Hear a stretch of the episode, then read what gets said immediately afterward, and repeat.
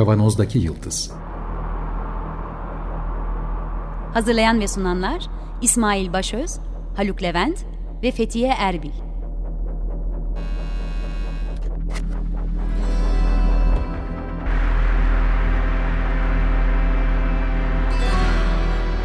Bugünün penceresinden geleceğin ayak izleri.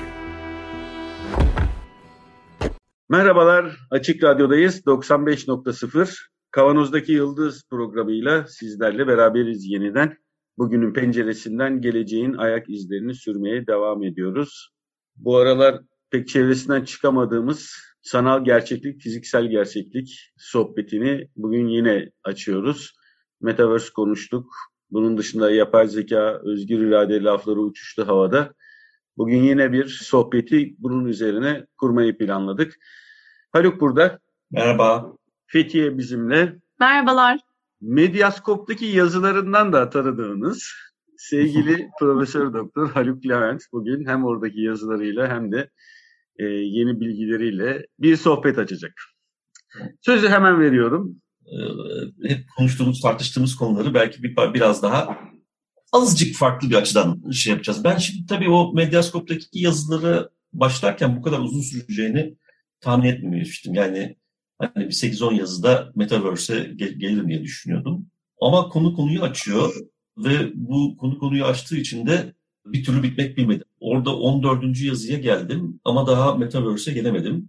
Herhalde bir 10 kadar 10-12 tane daha yazı yazmam gerekecek ki Metaverse'ün ekonomi politiği temelinde söyleyeceklerimi söyleyebileyim. Yani bunun için başlamıştın. Metaverse'ün ekonomi politiğini yazacaktın sadece. Onu yazayım diye düşünüyordum.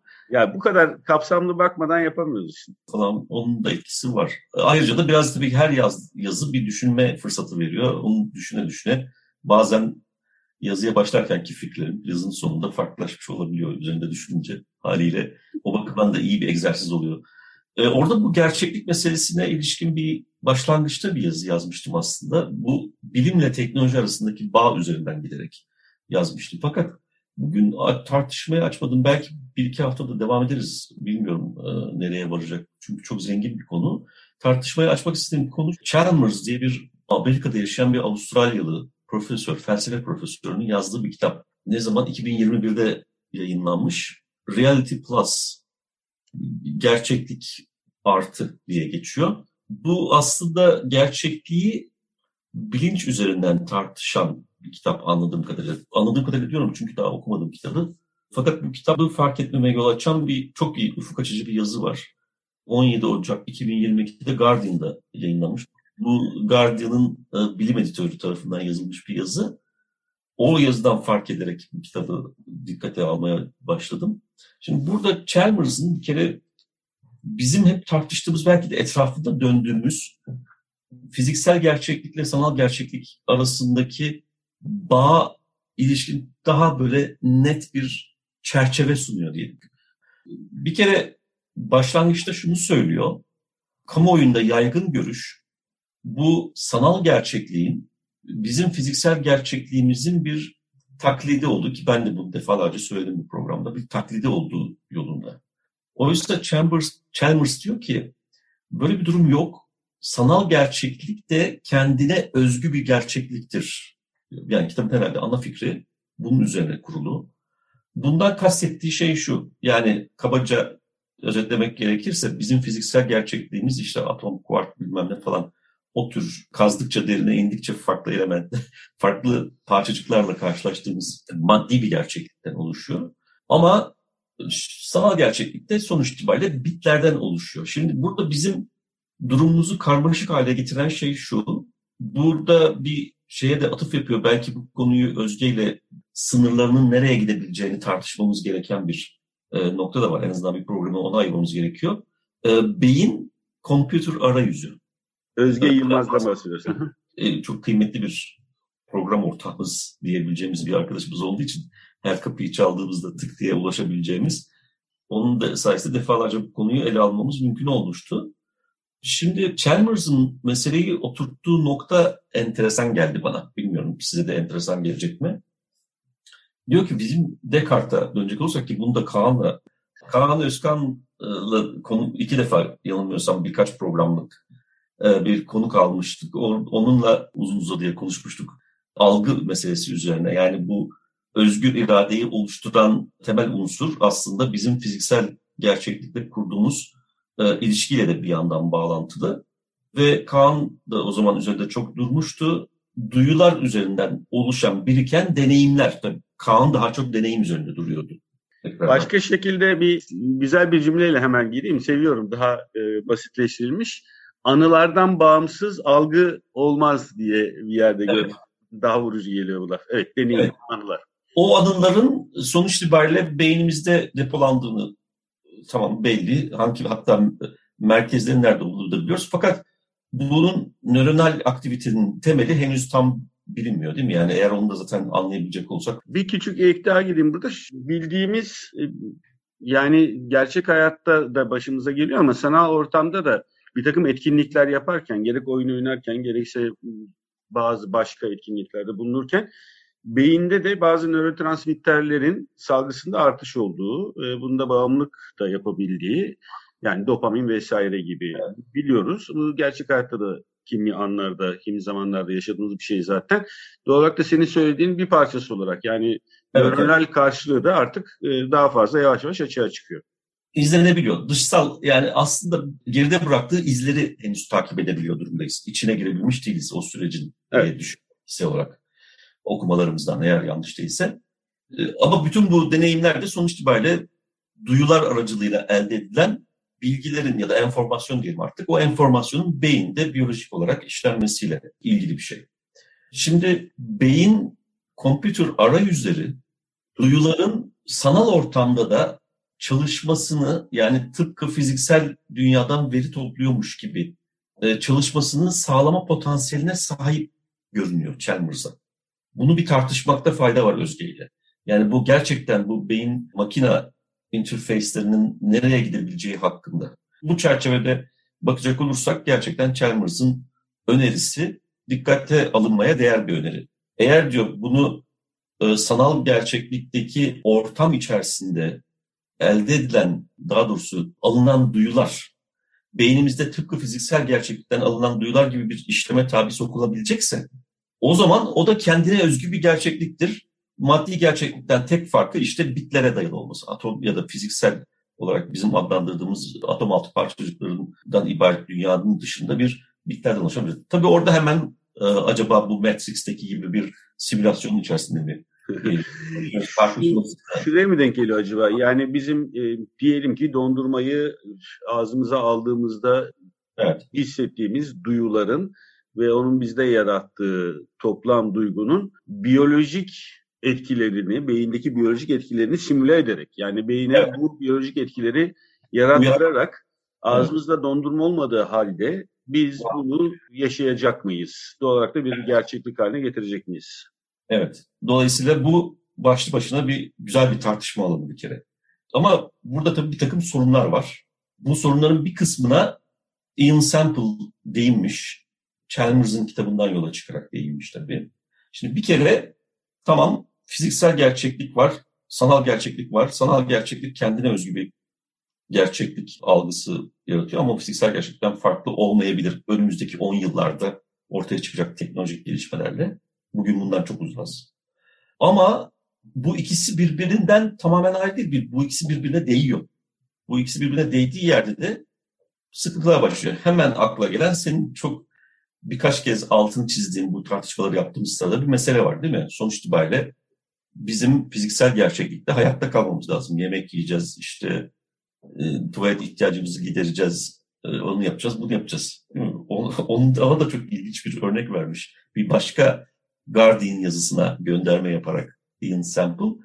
O yazı da ilginç. Geçen yıl Aralık ayında galiba ya da geçen yılın sonlarında dört gün aralıksız oyun oynadığı için hastaneye kaldırılan bir kızın öyküsünden bahsediyor. Yani o gerçek şey oyun oyunun yarattığı ortama kendisini çok kaptırmış. Ama bu kaptırmanın bir az öncesi altını çizdiğimiz meseleden ötürü yarattığı sorunla yüz yüze gelmiş. Fiziksel ihtiyaçları karşılamakta zorluk çektiği için, fiziksel ihtiyaçları karşılamadığı için fiziksel olarak çöküntüye uğramış ve hastaneye kaldırılmış falan. Bunların giderek artabileceğini de söylüyor. Evet Haluk. O zaman şimdi yine dondurmadan devam edeyim. Şöyle bir şey çıkıyor karşımıza bir soru işareti olarak.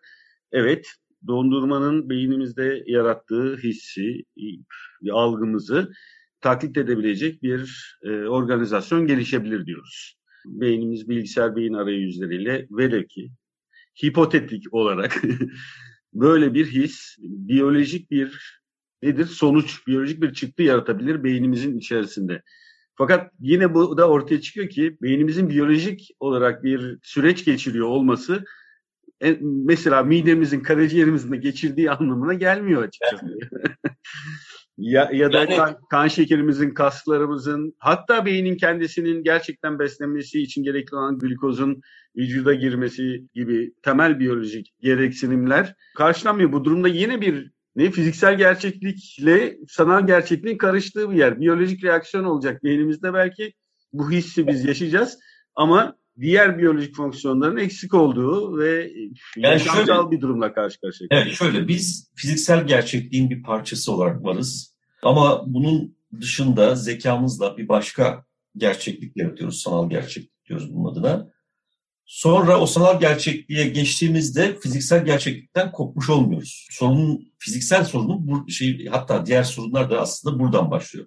Çünkü bu gerçekliğin bir parçası olarak işte burada beslenen, şunu yapan, bunu yapan, büyüyen, işte yaşamının sonuna geldiğinde de ölen bir varlık olarak kendi kurguladığımız ve sanal gerçeklik olarak da tabii sanal gerçekliğin potansiyel olarak da fiziksel gerçekliği asla yüzde yüz ikame etmesi mümkün olmayacak bir gerçeklik alanına hapsediyoruz ama işte orada bir sürü problem çıkmaya başlıyor. Bu en basitiydi. Yeme içme meselesi.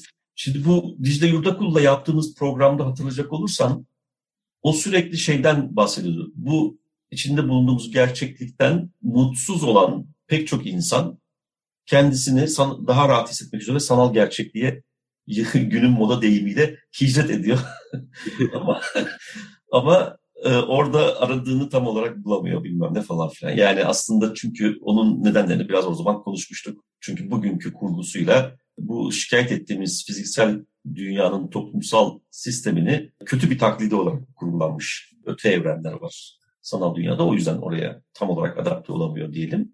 Fakat bu öte evrenin kendisini buna uyarlayacağı, uyarlayabileceğini düşünebiliriz. Çünkü orada bambaşka bir deneyim yaşama ihtimali var diyor Chalmers. Onun altıncı o bana çok o da ilginç geldi. Bu fiziksel gerçeklikte bir takım e, fiziksel sınırlarla karşı karşıyayız değil mi? İşte ne bileyim Süpermen gibi uçamıyoruz.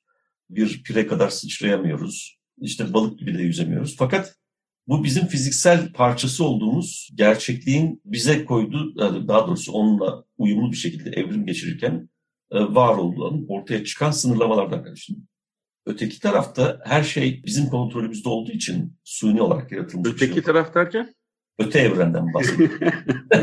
Öte evrende her şey kontrol altında olduğu için bu tür donanımlarla fiziksel kısıtlarla daha doğrusu sınırlı değiliz. Yani orada bir Superman gibi içebiliriz, şey uçabiliriz. Ondan sonra e, ne bileyim Mars'a yolculuk yapabiliriz. Oradaki deneyimi edebiliriz ve bunun da şeyi düşünecek olursak hani nasıl bir dondurma yediğin zaman dondurma yemiş hissini birebir sağlayabilme gücüne sahip olabilecek günün birinde gelecekte diye düşünüyoruz bu şeyin beyin e, makine arayüzünün. Burada da aynı şey ama bu defa o sadece fiziksel gerçeklikte karşı karşıya kaldığımız doğa ile temasın ya da o gerçeklikle temasın yarattığı sınırlardan da kurtulacağız. Kurtulabiliriz. E, algılar ve yeni yarattığımız gerçek. Evet, yani e, süper güçlerle donanmış olabiliriz. İşte mesela bu öte evren metaverse tartışmaları sırasında falan genelde burada işte ne bileyim Bahamalara tatile gitme imkanı yok ama işte bunu öte evrende o tatile gidebilirim diye formüle ediyordu insanları. Yani bunun bunun çok böyle safyane bir şekilde yoksullukla mücadelede de güzel bir şey olabileceğini e, söylüyordu. O deneyim. Yine aynı provokasyon var. yoksullukla mücadelede. Yoksullukla mücadelede en önemli kısım aslında e, açlıkla ilgili boyutu ve biyolojik ihtiyaçlar. Ya çok çok kısa bir şekilde girmek istiyorum. Şimdi ben geçtiğimiz programları da dinlerken bir şeyi fark ettim. Biz gerçekten biyolojik ihtiyaçlar ve evrimsel dönüşün ki evrimsel dönüşümü de daha doğrusu canlının evrimini de biyolojik temeller üzerinden kurup e, buna göre bir pozisyon alarak buna göre bir okuma yapıyoruz. Ben daha çok buradan okuma yapıyorum açıkçası. Programı dinlerken biraz karşı şekilde dinlemeye çalıştım. Ee, söylediklerime de karşıdan bakarak dinlemeye çalıştım. Evet farklı düşünceler var. Şu an yaşıyoruz. Evet evrim e, ve biyolojik ihtiyaçlar bizi bir yere getirdi ama bizim de bir tane hayatımız var. Şu an yaşıyoruz. Ben nereye geldiysek gelelim. Ben şu anda kendi gerçekliğimi burada kuruyorum. Benim de biyolojik ihtiyaçlarım, açlık vesaire gibi bir derdim yok. Doğal olarak da gerçeklik benim için bu sanal dünyada yapacağım etkinlikler olabilir. Yani anlatırken bile zorlanıyor olabilirim, yanlış ifade ediyor olabilirim. Çok içselleştirdiğim bir şey söyle, söylemiyorum çünkü şu anda. Olabilir de gerçekten bu. Benim bakışım, senin bir yazında çok güzel söylediğin gibi hani pozitif bilimlerde her şey fact üzerine, olgu üzerine gider ama sosyal bilimler ve söylemlerde ideolojik yönlendirmemiz bizi çok belirler. Bu nedenle de çok büyük tartışmalar oldu, olacak da açıkçası. Burada da kişiler kendi yaşadığı deneyimi gerek günlük hayatta gerekse de sanal hayatta yaşadığı deneyimi kendi gerçekliği, onun bütün varoluşunu bile kimi zaman belirleyebilen bir gerçeklik olarak tanımladığında iş karışıyor gerçekten bu noktada. Yani anlamaya çalışıyorum bir yandan. Ben diyor ha bunu da karşılığı biraz önce söyledik. Bunun da karşılığı beyinde de gerçekleşiyor. Bahsettiğimiz nörotransmitterler vasıtasıyla, dopamin, adrenalin vesaire vasıtasıyla. Hatta bir programda ne demiştik? İki tane genç arkadaşımız alıp oyun oynarken ne yaşıyorsunuz diye. E, çok heyecanlandıklarını, yenmek istediklerini, yendikleri zaman büyük bir coşku, yenildikleri zaman öfke ve üzüntü hissettiklerini yani bu bayağı bildiğimiz duygular bunlar. Doğakta onun o an gerçekleştirdiği bir şey. İşte ben okumalarımı daha çok evrimsel süreç ve biyolojik ihtiyaçları temelleyerek e, yaptım şu ana kadar. Fakat biraz önce bahsettiğim gibi gelecek verileri de izlemekte ve yeniden gözden geçirmekte sürekli fayda var tabii ki. Yani. Yok yok bu, bu, bu tartışmaların bu şekilde bürünmesi bir parçada toplumsal sorunlardan kaçış imkanı vermesi aslında ondan kaynaklı. Şimdi oralara geliyorum yavaş yavaş. Şimdi burada tabii böyle bir hayat yaparken e, fiziksel dünyadan tam olarak kopma imkanı olmadığından dolayı sanal dünyada işte kolunda Louis Vuitton çanta, efendim bilmem e, Bahamalarda tatil yapan bir arkadaşımız fiziksel dünyada Sefiller romanından bir karenin içerisinde düşebiliyor bir anda. Dolayısıyla bunu yaratacağı psikolojik problemler de olacaktır muhtemelen yani. Bu, bu, bu, bu da bir büyük problem. Yani bu da işte fiziksel dünya sanal dünyanın e, iç içe geçmesi ya da çakış birbirine değmesinden kaynaklanan ikinci e, büyük problem. Üçüncü problem şimdi bu sanal dünya kurulurken sonuçta bunu kuran bazı aracılar var değil mi? Öte evren sayısı yüzlerce kelimesini hak edecek ölçüde çoğaldı. E, işte Facebook var, onun var, bunun var falan böyle herkes kendince bir öte evren kurmaya başlayıp oraya müşteri çekmeye çalışıyor. Dolayısıyla burada da bir tersine ilişki söz konusu. Bizim fiziksel gerçekliğimizde e, biz doğayla mücadele ederek bir uygarlık tırnak içinde söylüyorum bunu uygarlık kurmaya çalıştık şimdiye kadar. Bunun ceremesini de görüyoruz. Çünkü bu mücadele belli bir limiti aştığında yani karşı geliş, doğal akışa karşı geliş belli bir limiti aştığında doğa bize üstün geliyor. Bunu çok acı bir şekilde deneyimliyoruz sürekli ama sürekli. Şimdi burada sanal gerçeklikte çevre diye adlandıracağımız onu artık nasıl isimlendirmek gerektiğini de bilmiyorum ama e, sanal gerçeklik diyelim boş değil. Orası zaten şirket tarafından yüzde yüzü sahiplenilmiş bir şey. Dolayısıyla sen oraya bir oyun karakteri gibi giriyorsun. Şimdi bu da bizim gerçek dünyayı algılayışımızla tamamen farklı bir kurguya tekabül ediyor ve bu ikisi de birbiriyle çok çelişik. Oyuncu gibi giriyor derken şey desem nasıl olur? Müşteri gibi giriyorsun sadece. Tabii tabii. Yani or, sanal gerçekliği bir oyun gibi algılamak e, gerekiyor ne kadar teknolojik olarak gelişirse o oyunun mükemmelliyeti o kadar yükseliyor. Yani bir o zaman işte bir roman karakteri gibi olsun. Yani bundan kastettiğim hep... Haluk bir şey söyleyeceğim. Oyun gibi derken şimdi sokakta da e, oynadığımız zamanları hatırlıyoruz en azından çocukluğumuzda. Karşılıklı kurulan bir oyun ve gerçekten de bizim kurduğumuz ve müşteri olmadığımız bir durum orası. Şimdi buradaki gerçeklik içerisinde bu şirketlerin tamamen doldurduğu bu alanda oyun gibi kurmak ile benim düşündüğüm oyun çok denk düşmüyor açıkçası. Evet. Oyunu diş edilmiş hali çünkü orası. Yani oyun evet. denemez sonucunda bu noktada buraya yani. e, bunun özellikle altını çiziyorlar. Şu anda çok oradan pazarlama yapılıyor. Bunu bir oyun olarak e, görmeleri. Yani gerçekliği taklit eden bir oyun. Bunun ne bileyim Monopoly de bir oyundu. Monopoly de bir oyundu. Hı hı. Ee, onun gibi düşün. Yani onun mükemmel hali ne düşün. Ee, Ama onun... gerçekten bir para yoktu. Kaybetmen kazanman e, kimseye kazandırmıyordu. Hayır işte. Şimdi evet. burada var. Senin oynaman birileri kazandırıyor. Orada işte onun karıştıran dördüncü noktanın geçiş köp köprüsü daha doğrusu o mesele. Evet. Nedir o da?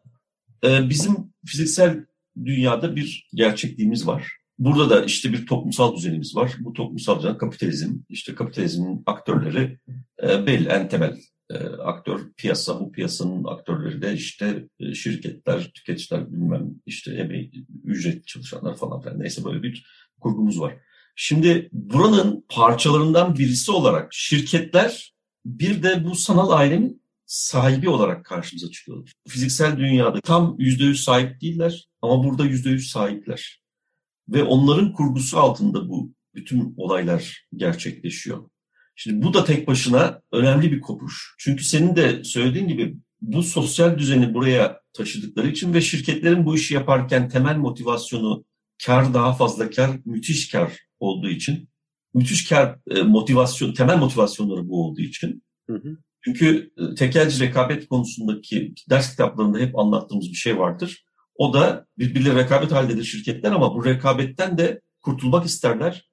Bundan kurtulmanın tek yolu esir müşteriliği adını verdiğimiz bir şey yaratmak. Yani tüketiciyi yüzde yüz kendine bağlamak. İşte bu metaverse, öte evren bu fiziksel dünyadaki koşullarda yapması mümkün olmadığı işi şirketin tek başına orada yapmasına imkan veriyor. Yani metaverse'ler arasında bir rekabet var. İşte bana gelirsen şunu yapacağım, bunu yapacağım. Ama onun içerisine girdiğin zaman artık o evrenin sahibi olan şirketin, dolayısıyla o simülasyonun sahibi olan şirketin kuralları geçerli oluyor esasında. Onun içerisinde mağaza açmış başka şirketler, onlar ama artık sosyal, gerçek fiziksel dünyanın birer yansıması olarak, onun birer taklidi olarak o işin içindeler. Evet yani şimdi şeyi de e, hep konuştuk pazarlama kısmını vesaire. Burada hani oraya geçelim. Daha önceki programlarımızda bayağı konuştuk ama burada asıl olarak hitap edilen yer kişinin kendi algısı ve bununla kurduğu ilişki. Yani programa ne diye başladık? Sanal gerçeklik, fiziksel gerçeklik hikayesiyle başladık. Şimdi aynı ürünü iki ayrı fiyatla, küçücük bir belki bir farklı, iki ayrı fiyatla sattığın zaman kimi insan grubu pahalısını alıyor. Onun kaliteli olduğuna inandığı için. Bu onun gerçekliği işte. O o gerçeklik içerisinde var oluyor. Diğerine eli gitmiyor. Ya aynı desem bile alam açıkçası gerçekten bir bir gerçeklik yaşıyor içinde. Tabii. Tekelci rekabette zaten fiyat rekabeti yoktur aslında. Te, tekelci rekabette e, reklam, yoğun reklam bombardımanıyla kendi ürününün tamamen özdeşi olan bir başka üründen çok farklı olduğu kanısını uyandırmaya çalışır. Ve o kişide farklılık yaratacağı Evet, o işte trendsetter bir şey haline dönüşürse hakikaten de bir sosyal statü sembolü haline dönüşür. Ve bu Ve bir gerçeklik haline geliyor bu sefer. O zaman da fiyatı çok yükselir. Aynı ürünü gidip daha ucuza alıp aynı fonksiyonu, aynı faydayı sağlamak mümkünken burada daha fazla para ödersin ama sosyal statün farklı olur falan filan. Tıpkı bu Metaverse'te ünlülerin yanındaki parselleri satışa çıkartmak gibi. Evet, şey. evet. Yani, yani işte bu buradaki gerçeklik benim kafamı karıştırıyor. İşte o, zaten onu diyorum bu, bu haliyle öte evren kurgusu e, bizim gerçek dünyanın kötü bir taklidi haline dönüşüyor. Ama bu, bu kötü taklit tabii çok tehlikeli noktalara da ulaşıyor. İki tane şeyden bahsedeceğim. Burada bu ikisini birbiriyle örtüştüren. Bir tanesi para meselesi. Yani işte hepsinin kendi coin'i var, şu var, bu var. Fakat sızıntı var. Yani sızıntıdan derken şunu kastediyorum. Her, hepsi, her öte evrenin bir parası var kendine özgü. Ama o parayı hep dolar cinsinden, o cinsten bu cinsten şey yapıyoruz. Ve bunun bir karşılığı yok. Yani e, insan hayatına, bizim fiziksel gerçekliğimizde anlam taşıyan herhangi bir fonksiyonu yerine getirmesi gibi bir şey söz konusu değil. Dikkat edecek olursan hep savunucuları hep şey diyorlar. Ama siz işte boomersınız, eski yepyeni bir dünya var önümüzde. Siz eski dünyanın kavramlarıyla düşünüyorsunuz falan filan. E gördük eski dünya ile yeni dünyanın kavramlarının olduğunu. Terra Luna diye bir şey vardı. Coin son bir haftadaki değer düşüşünü biliyor musun? 118 dolardan 0.37 dolara düşmüş. Hepsi anlamsızdı. %99.86 düşmüş. Niye düştü bu diye böyle araştırdım epeyce bir yurt dışı basını falan da. Yani hiçbir şey söyleyemiyorlar. Çünkü bu, bu, bu mümkün. Çünkü gerçekten hiçbir fonksiyonu yok. Ama o paranın para olması gerçekten bizim fiziksel dünyamızdan oraya devşirilmiş bir toplumsal ilişkinin e, imitasyonu olmasından kaynaklanıyor. Ve bunu da gerçek dünyayla bağını kuruyorlar parite üzerinden. İşte o orada zaten her şey çökmeye başlıyor. Şimdi burada o, bir şey daha söyleyeceğim. 118'den 1 dolara düştü diyelim ki. 37 sente. Elinde bu kripto currency'den olan kişinin hissettiği şey işte gerçeklik. Yani evet. telef oldu mesela tamam mı? Peki kaç tane kaç tane e, şey varmış? E, Terra Luna varmış piyasada? Kaç? 2 trilyon. Yani bu dünyanın en büyük soygunu aslında. E ya öyle oldu tabii. Sonuçta o paralar birine gitti. Terra onlara satanlara gitti. Fiyat düştüğü zaman kişinin hissettiği gerçekliği gündeme getirmek istedim. Yani o, o paranın düşmesiyle şimdi biyolojik gerçekliğin dışında evet bir, bir parçası da biyolojik olan duygusal bir başka bir şey yıkım yaşıyor. Bu insan bunun sonucunda depresyona girebilir. Bunun sonucunda çevresine sıkıntı yaratabilir. Var onlar çünkü ben birkaç tane gazete yazısı buldum. Oradan bütün servetini kaybetmiş insanlar var. Yani bu fiziksel dünyanın içerisinde çöküntü haline giren insanlar var. Yani başkasına zarar verebilir, kendisine de zarar verebilir. Bu fiziksel gerçekliği belirlemiş oluyor bu noktada işte. Tabii bunun nedenlerinden bir tanesi de bu sanal gerçekliğin ikame edici bir özelliğe sahip olduğuna inanması insanların. Aslında böyle bir durum yok. Ha işte yani. Evet. Böyle, bir, böyle bir durum olamıyor zaten. Peki. Bunu son cümle olarak alalım. Daha, daha konuşacak şeyler vardı ama sonra neyse. Önümüzdeki haftaya sakla notlarını al. Peki. Süremiz dolduğu için şimdilik bırakıyoruz. Önümüzdeki haftada devam etme niyetindeyiz. Bu programın size ulaşmasını sağlayan Açık Radyo çalışanı bütün arkadaşlarımıza çok teşekkür ediyoruz. Program destekçimize çok çok teşekkür ediyoruz. Önümüzdeki haftalarda tekrar görüşmek üzere. Sağlıkla kalın.